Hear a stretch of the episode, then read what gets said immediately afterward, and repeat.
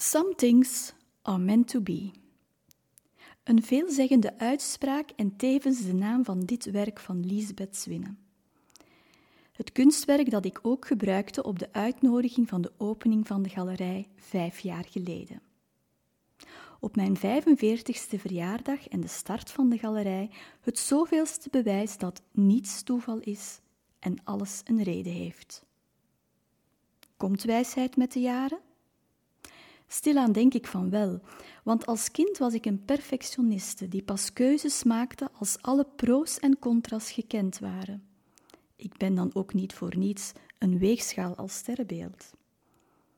Opgegroeid in een ondernemersfamilie waarbij inzet en verantwoordelijkheid basiswaarden zijn en waarbij er altijd interesse is geweest voor antiek en mooie dingen. Maar mijn passie voor schilderijen groeide met de jaren maar vond zijn oorsprong in de vele reizen die ik maakte met de bandensector.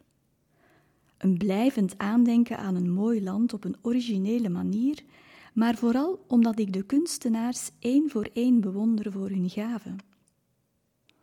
Bovendien is er aan elk schilderij een verhaal verbonden. Zo kocht ik een klein olieverfwerkje in Dubrovnik van een jonge dame die met de centen op de zwarte markt dan fruit en groente kon gaan komen. Het land was net uit oorlog. In de zomer van 2011 ontdekte ik samen met mijn papa te knokken de werken van Lisbeth Swinne. We waren destijds onze burelen aan het verbouwen en ik zag het werk onmiddellijk hangen in mijn bureau. Alleen vond ik het andere werk, mijn zogenaamde hond, ook mooi. Wat was ik toch ontgoocheld toen ik na een fietstocht met mijn mama ging kijken en de werken verkocht waren. Niet één, maar alle twee? De laatste dag van de vakantie kreeg ik van papa een grote zwarte envelop. Een geweldig cadeau. En ik kreeg toen reeds de opdracht Liesbeth haar verhaal te lezen. Een carrièrevrouw in de reclamewereld die eerlijkheid nastreefde, maar maskers moest opzetten om mee te blijven draaien in het zogenaamde circus en het bekocht met haar gezondheid. Voor haar herstel begon ze te schilderen over wat ze had ervaren, voor haar een ideale manier om te zeggen wat ze al dan niet te zeggen had, maar niet kon of kan vertellen. Toen, en nog steeds komt haar verhaal bij me binnen, want het is o zo herkenbaar. Het was ook steeds mijn visie dat eerlijkheid en rechtlijnigheid altijd zouden overwinnen. Maar ik speelde ook mee in een circus, gehard aan de buitenkant met mijn masker op.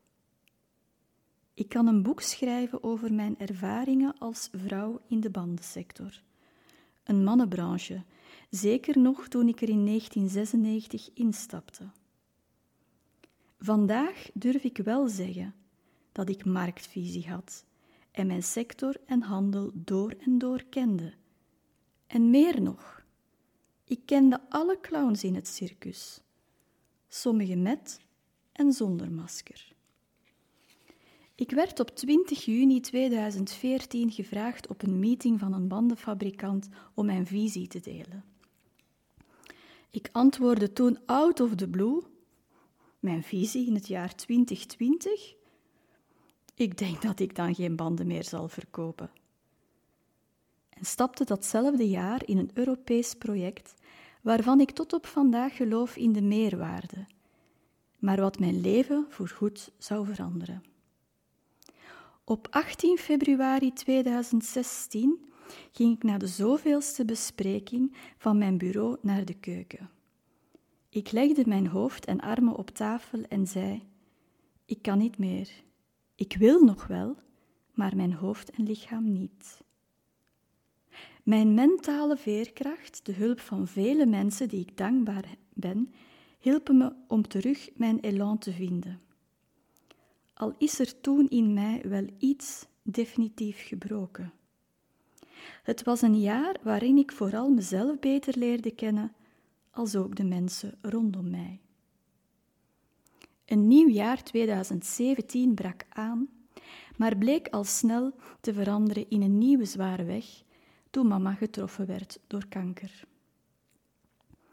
De confrontatie met de broosheid en eindigheid van het leven maakte dat ik starend naar mijn schilderijen vaak nadacht over de woorden die mijn grootouders hadden uitgesproken. Het leven zoeft voorbij als een trein en je hebt hier maar één leven, dus doe wat je graag doet. En gelijktijdig dacht ik terug aan iemand die me ooit zei dat ik een onderneemster was, maar misschien eens moest nadenken over welke band ik eigenlijk met banden had. Het was dezelfde persoon die me vroeg voor het Europese project. De rust die ik vond in het kijken naar kunst en mijn stille gedachten droegen ertoe bij dat ik mijn eigen wil en weg vond. Wie een goed luisteraar was bij dit verhaal op mijn 45ste verjaardag, heeft toen het volgende horen klinken in de oren. Ik kan niet de vrouw zijn die ik ben in de bandenwereld. Er is een barrière die ik heel graag zou overwinnen, maar waarvan ik weet dat ze blijft. En daar heb ik vandaag vrede mee. Dat ik bovendien vriendschappen moest loslaten omwille van carrière heeft ook meegespeeld om op zoek te gaan naar een uitdaging waardoor ik in balans kom. Die uitdaging vond ik door opnieuw diverse beurzen te bezoeken en het begon weer allemaal te kriebelen. Onverwacht kreeg ik de unieke kans van Lisbeth Swinnen om de galerij in Knokke een weekje open te houden. Ik vond het superfijn, maar ook de leuke babbels met Lisbeth, de tips, als ook haar stille wenken, werkten inspirerend.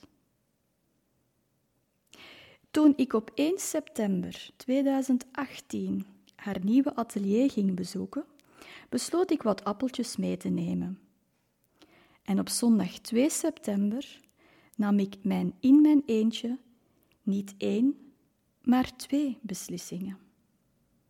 Ik vond dat ik mijn 45ste verjaardag een speciale herinnering moest geven en startte de galerij.